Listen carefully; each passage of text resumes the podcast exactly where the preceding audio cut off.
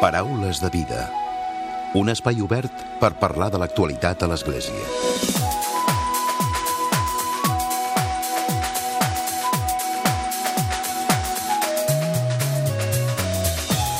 Què tal? Salutacions i molt bon dia, molt bon diumenge de Rams. Avui parlarem d'un aniversari. A principis d'aquest mes de març, la Facultat de Teologia de Catalunya ha celebrat els seus 50 anys d'història.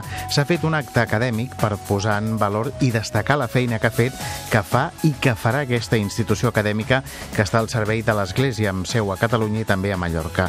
La Facultat de Teologia de Catalunya porta un plus de qualitat universitària a l'àmbit eclesial, cultural i polític de Catalunya al servei específic del diàleg, diuen, entre la fe i la cultura.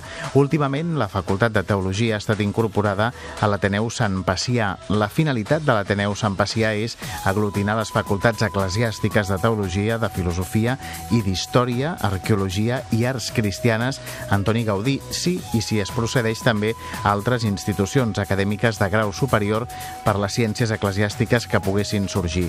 Un total de 2.200 alumnes entre religiosos religiosos i laics estudien actualment en els diversos centres dependents de la Facultat de Teologia de Catalunya, dels quals 450 són a la mateixa Facultat de Teologia.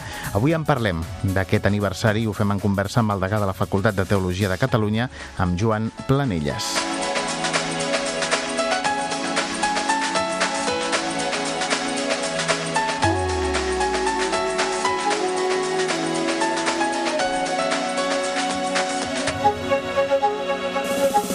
Sempre, a la recta final del Paraules arribarà un nou comentari de l'actualitat de Francesc Romeu. Comencem. Paraules de vida. I saludem mossèn Joan Planelles. Molt bon dia i benvingut. Molt bon dia. 50 anys de la Facultat de Teologia de Catalunya. Certament. Es diu molt ràpid, anys. però hi ha tota una trajectòria, oi? Hi ha tota una trajectòria. I això es va complir el passat 7 de març, Ah. dia per dia eh, que segurament doncs, es va escollir aquest dia perquè era l'antiga festa de Sant Tomàs. I són 50 anys. Eh, com va començar tot plegat?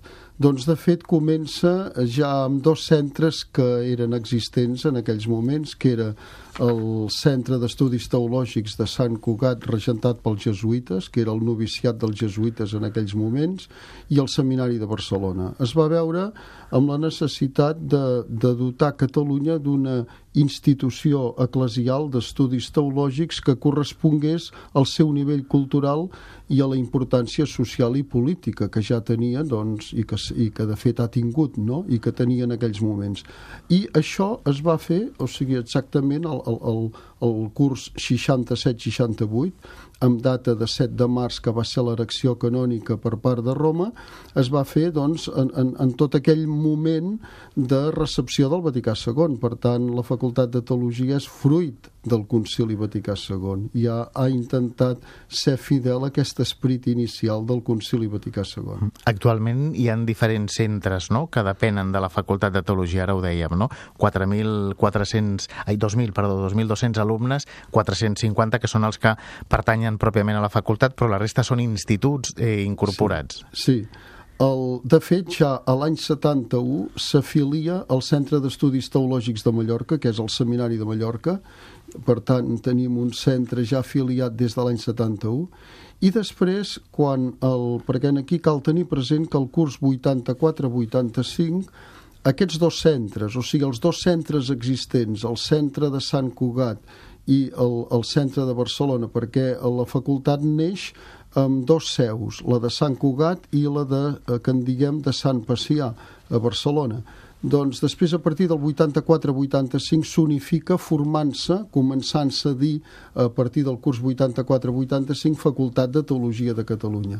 Doncs molt bé, a partir d'aleshores comencen, que ja, ja teníem el Centre d'Estudis Teològics de Mallorca, comencen a sorgir una sèrie de centres, els dos instituts incorporats que fan segon cicle d'estudis, l'Institut de Teologia Fonamental que continua a Sant Cugat i després, al cap d'un any, l'Institut Superior de Litúrgia de Barcelona. Però després a redós d'aquelles escoles diocesanes de teologia que hi havia a moltes diòcesis, a partir de l'any 96 eh, sorgeixen els sis instituts de ciències religioses que tenim també vinculats a la facultat, que són l'ISCREP, el que en diguem l'ISCREP de Barcelona, l'Institut de Tarragona, de Lleida, de Girona, de Vic i també un institut de ciències religioses a Mallorca.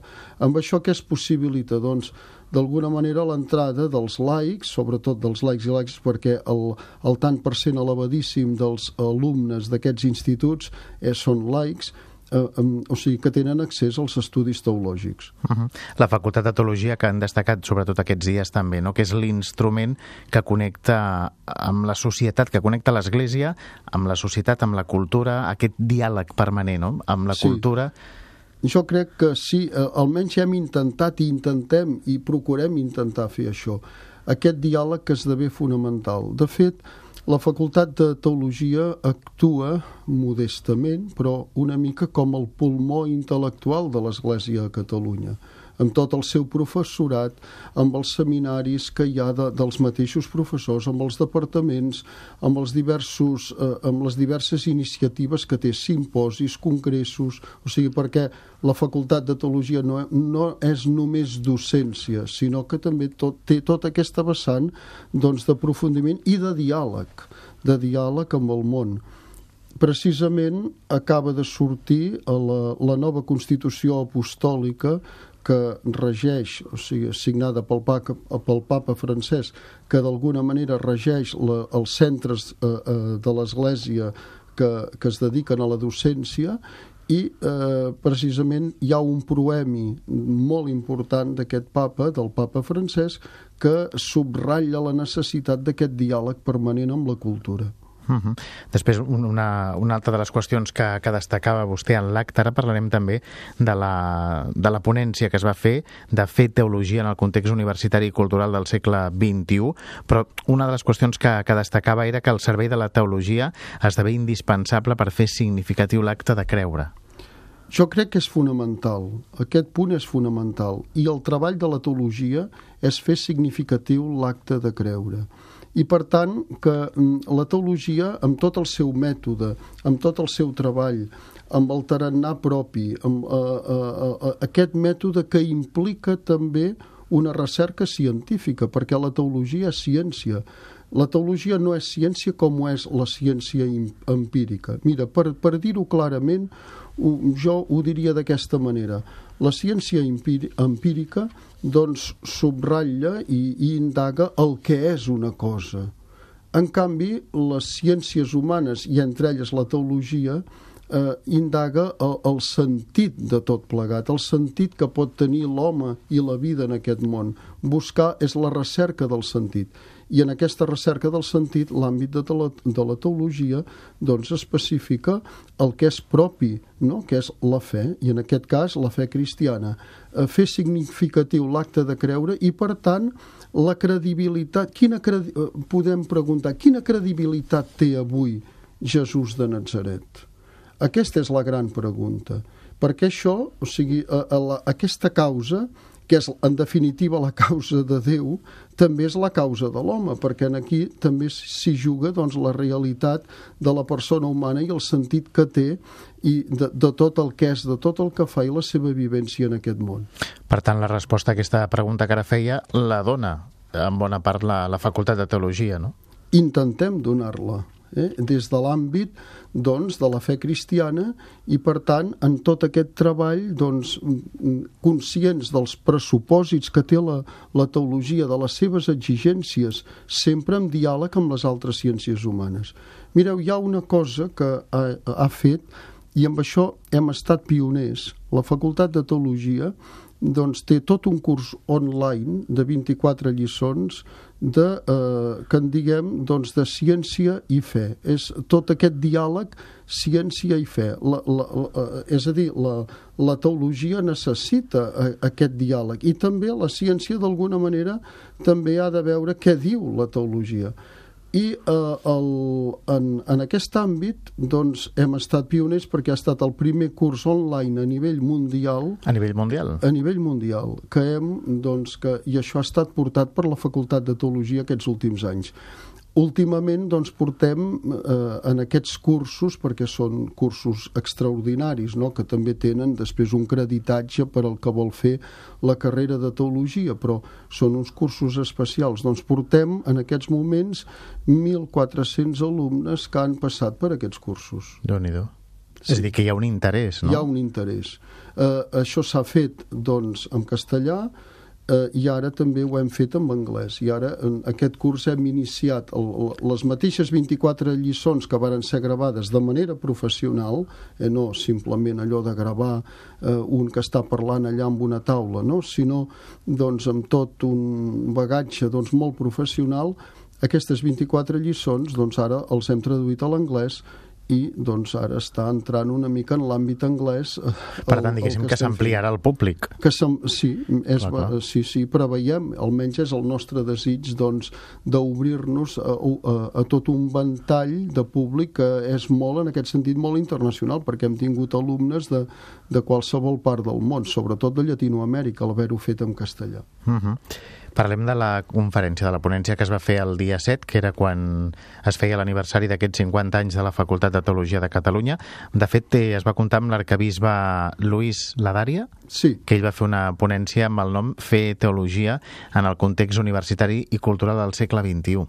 Sí, o sigui, vam, eh, vam demanar, no? ho va demanar el mateix cardenal i amb molt de gust va venir, va ser un acte entranyable, un acte molt bonic, a més la Dària és eh, fill de Manacor eh, i per tant la conferència va poder, si va poder ser feta en català. Per tant, i a més hi havia el bisbe de Mallorca no? per tant, d'alguna manera ens vàrem sentir molt, molt acompanyats. I la ponència era això, fer teologia en el context universitari i cultural del segle XXI incidint doncs en aquests punts que acabo de dir abans la Dària va fer un especial èmfasi precisament en aquesta eh, Constitució apostòlica que, que va ser publicada bé, va ser signada el desembre, el desembre passat però va ser anunciada als mitjans a partir d'aquest gener, per tant la tenim fa dos mesos, aquesta Constitució apostòlica que eh, eh, indica doncs, el que ha de ser una facultat de teologia i un centre universitari superior. Se, aquest diàleg amb el món i també que la teologia doncs, no deixi de banda doncs, la realitat pastoral de l'Església. El divorci entre teologia i pastoral, de fet, ha fet molt de mal.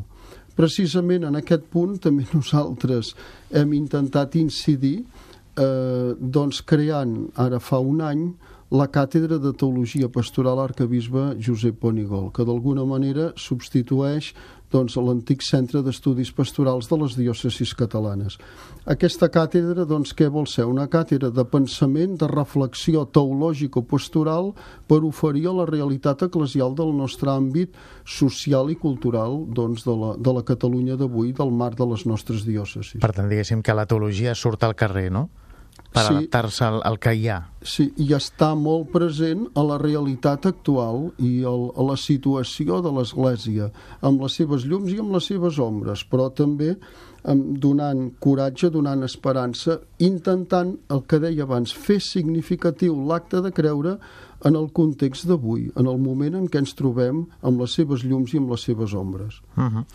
50 anys. Quins són els reptes que té a partir d'ara la Facultat de Teologia? Ara parlàvem d'aquests estudis que es fan a través d'internet, online. Suposo que la cosa va per aquí, però de fet els diferents eh, instituts de ciències religioses, ja siguin el de Barcelona com el de la resta de diòcesis, també ja fa anys que aposten per, i d'una manera pionera, no? per fer aquests estudis a través d'internet, no? a distància. Sí, el, a nivell dels laics ha estat a l'Institut eh, Superior de Ciències Religioses de Barcelona, l'ISCREP, que en diem, que ha ofert ja des de fa anys els cursos eh, online. Eh, precisament la Constitució Apostòlica del Papa incideix en aquest punt el que mm, ara hem d'acabar de valorar perquè ha de sortir doncs, una normativa posterior que d'alguna manera ens indiqui això però mm, certament serà un camp a treballar. Nosaltres, ja he dit abans, d'alguna manera hem estat pioners i l'Institut de Barcelona de Ciències Religioses també ha estat pioner en aquest àmbit. Ara bé, també hi ha doncs, molts altres àmbits a treballar. Eh, heu dit al començament de tot que el, la Facultat de Teologia estava integrada a l'Ateneu Sant Pacià. Això jo ho trobo fonamental, perquè no és únicament un treball de la teologia, sinó també de les altres ciències afins. No tenim una facultat de filosofia que ja funciona des de l'any 88 i ara tenim una facultat Antoni Gaudí d'arqueologia, d'història i d'arts cristianes que amb, tot el, amb tota la importància que té l'art cristià a casa nostra, el 80% de, de, de les obres d'art doncs, o provenen de l'Església o han estat de l'Església o són eclesials, no?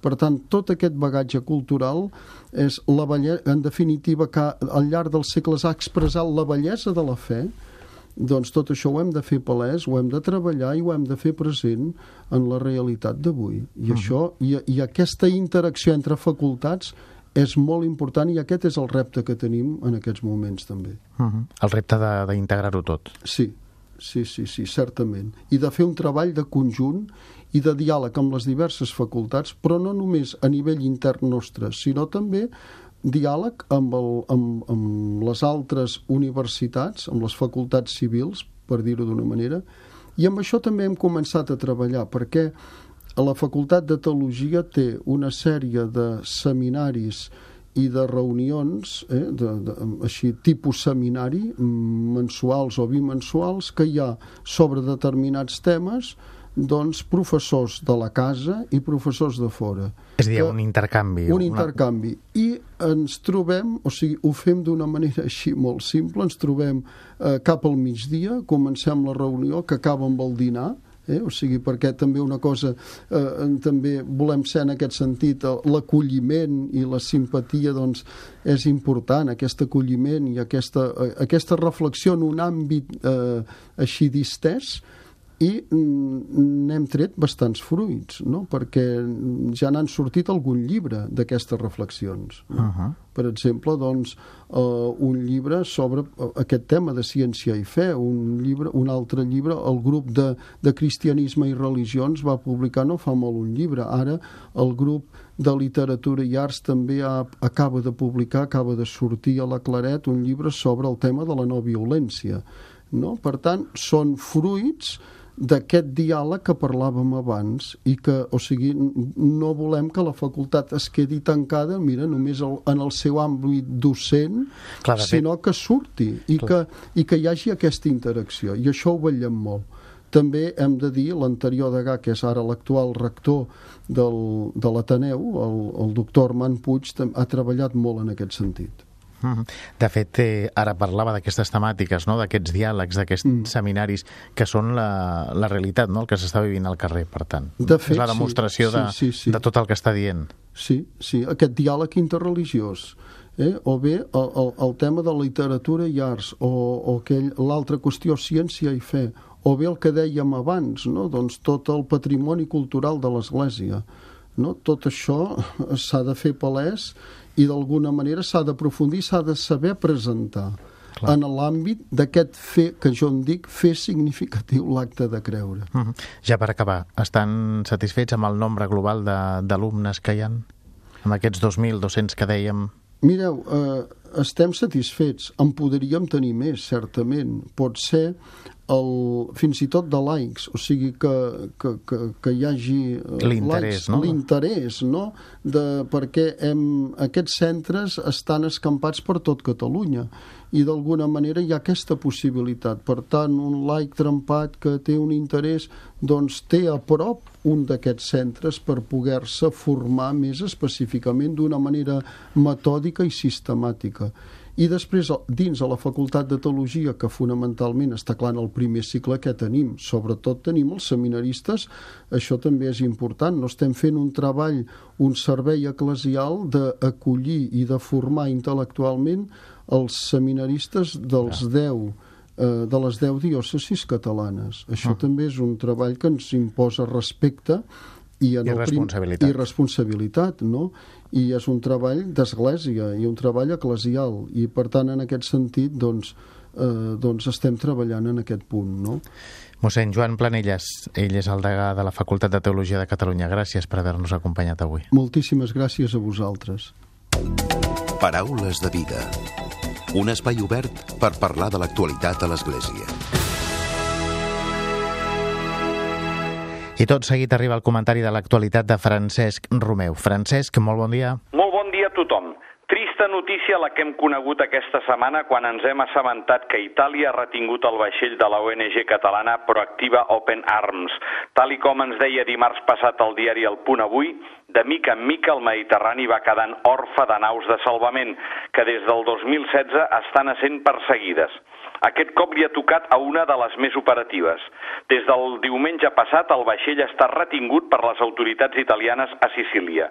La Fiscalia de Catània acusa l'ONG de ser una associació criminal per haver fomentat la immigració il·legal, amb l'agreujant d'obtenir-ne benefici. La justícia italiana investiga tres voluntaris de l'organització que s'enfronten a rebre penes de fins a set anys de presó. Itàlia, amb el vistiplau de la Unió Europea, va firmar un acord amb Líbia a canvi de diners, 282 milions d'euros l'any passat, per tal que la Guàrdia de Costes Líbia es dediqui a caçar en el mar les barques d'immigrants i retornar-los amb la força de les armes a les presons inhumanes de Líbia, on s'hi practica la tortura.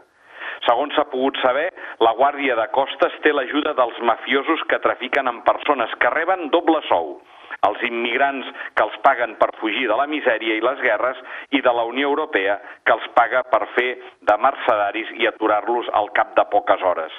En aquest pla hi ha un actor incòmode que fa nosa i que tant a Itàlia com a Líbia interessa que desaparegui, que són les ONGs perquè salven vides, les porten a Europa i fan de testimonis de les actuacions brutals de les patrulles líbies contra els immigrants indefensos al mig del mar.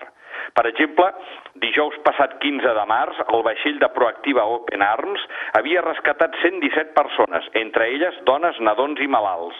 Els guardacostes libis s'hi van acostar i a través d'un megàfon els van dir o ens entregueu tots els immigrants o us matem. Tenen armes pagades amb fons europeus i no seria la primera vegada que disparen contra una nau humanitària. Des de Proactiva Open Arms es van negar a retornar les persones que havien salvat amb tant d'esforç. Volien portar-les a un port segur, com marca la llei internacional marítima. Després de dos dies de negociacions, finalment Itàlia va donar permís perquè ataquessin el port de Pozuolo, a Sicília, on hi van desembarcar en total 218 persones rescatades. I va ser aleshores quan la Fiscalia va demanar la immobilització del vaixell de la ONG. Segons informava el diari El Punt Avui, qui va donar l'ordre és Carmelo Zuccaro, el procurador en cap que dirigeix la Fiscalia de Catània des del juny del 2016 i des d'aleshores ha iniciat una croada personal contra les organitzacions humanitàries. Fa gairebé dos anys que les ONG de, de rescat són víctimes d'una campanya de desprestigi inaudita se les acusa sense fonament d'afavorir les màfies, de servir d'efecte crida i de fer negoci amb els salvaments. Des de la política, aquesta teoria té el suport del moviment Cinc Estrelles i de tota la dreta italiana, especialment de la xenòfoba Lliga. Els mitjans afins difonen cada dia calúmnies i notícies falses contra els cooperants i la campanya ha tingut èxit perquè bona part de la població italiana creu que les ONGs afavoreixen la immigració il·legal. Així, mentre que aquest dilluns 19 de març a les xarxes de Catalunya els immigrants eren, els missatges eren majoritàriament de suport cap a Proactiva o Open Arms i d'estupefacció, en canvi a les xarxes socials d'Itàlia molta gent celebrava la immobilització. Com a precedent, recordem que el mes d'agost el vaixell Juventa de la ONG alemanya Jugendrettet va ser confiscat amb les mateixes acusacions, també per ordre de Zúcaro, i encara no pot operar. Ara queden només dos vaixells d'ONGs que recorren els 350 quilòmetres de la costa de Líbia, enfrontant-se a mercedaris armats que intenten salvar vides oblidades al mar. Per acabar, vull recordar que el proper dijous, dijous sant a la tarda, el papa francès rentarà els peus a 12 presos en la missa al centre penitenciari Regina Shelley de Roma. La visita preveu una trobada amb els detinguts malalts a la infermeria, la celebració de l'Eucaristia i una trobada amb alguns dels detinguts. La presó de Regina Shelley és la presó més coneguda a la ciutat de Roma, perquè anteriorment era un convent de monges carmelites, d'aquí li ve el nom, construïda al 1654 al barri del Trastevere i reconvertida després en presó l'any 1881. Molt bon diumenge a tothom!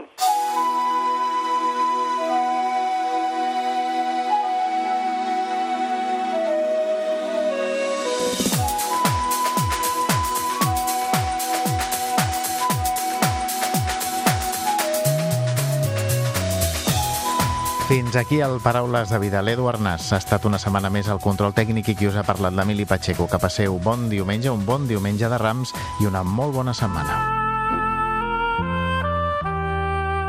Us oferim la carta dominical de l'arcabisbe de Barcelona, Joan Josep Omella. Déu vos guard. Amb el diumenge de Rams entrem a la Setmana Santa. És la setmana de la Passió del Senyor i és santa perquè Jesús és en el centre de tots els esdeveniments que van des d'una entrada triomfant a Jerusalem fins a la seva resurrecció. És el moment culminant de la vida de Jesús en la història, del Jesús que es va fer home i es va fer obedient fins a la mort i una mort de creu. En l'entrada de Jesús s'hi uneixen l'alegria i l'esperança – la seva condició de rei digne s'uneix a la del Jesús senzill i proper que entra humilment a sobre d'un pollí. La mateixa senzillesa de Jesús el porta al triomf. Jesús entra a Jerusalem com avui entra en els nostres pobles i ciutats amb el crit d'alegria i l'expectació dels nens que l'acullen alegres, sorpresos sense acabar d'entendre el que succeeix. És l'alegria i el dubte, la sorpresa i l'admiració. La litúrgia contraposa avui dos moments de la vida de Jesús, presents també en la vida de tot home i de tota dona. La narració de la passió del Senyor contraposada a la benedicció de les palmes. Ens ho recorda el breu passatge de l'alegria i l'esperança del batre de les palmes a la realitat que aquest mateix Jesús viurà en el termini d'uns dies. Es passarà dels crits d'Osana al de crucifica'l, de l'exaltació com a Mesies a la ignomínia del vençut a la creu. Jesús no fuig, pren la seva creu i seguirà el camí del Calvari el mateix que va seguir entre palmes i branques d'olivera. A l'alegria, al triomf i a la llum s'hi arriba per la creu, bonica lliçó que ens costa d'assimilar. El camí que recorre Jesús, el fill de Déu, el porta a patir a l'hort de Gesdemaní i el porta al Calvari. Allà serà coronat rei dels jueus amb una corona d'espines i un rètol ignominiós. Qui entén Jesús? Aquells que l'entenen i el segueixen són els nens, el grupet de dones i gent de bona voluntat. Els nens l'adoren. Les dones no deixen d'acompanyar-lo. Tots ells aniran fins al Calvari. Els seus deixebles, al contrari, el van abandonar en aquest dur camí. Setmana Santa ens dona de nou l'oportunitat de celebrar Jesús que entra a les nostres vides, en l'alegria i en el dolor. És moment per mirar-nos des de l'Evangeli i acompanyar Jesús per conmoure'ns amb ell en el seu patiment i en les de tants germans que pateixen. Demanem que la palma, el llorer i els rams d'olivera es converteixin en els nostres signes de pau. Ell és la nostra pau, vol la pau, ens dona la seva pau perquè ens estima a tots. Ell no té enemics, el seu amor venç tot mal. Des de l'alegria del dia de Rams fins a l'alegria de la resurrecció, visquem la passió, visquem els moments durs de la vida com una ofrena d'amor per ressuscitar amb ell. Benvolguts germans, us desitjo de tot cor que visqueu, que visquem tots una Setmana Santa units a Crist i plena de consol espiritual. Que Déu us beneixi a tots. Us hem ofert la carta dominical de l'arcabisbe de Barcelona, Joan Josep Omella.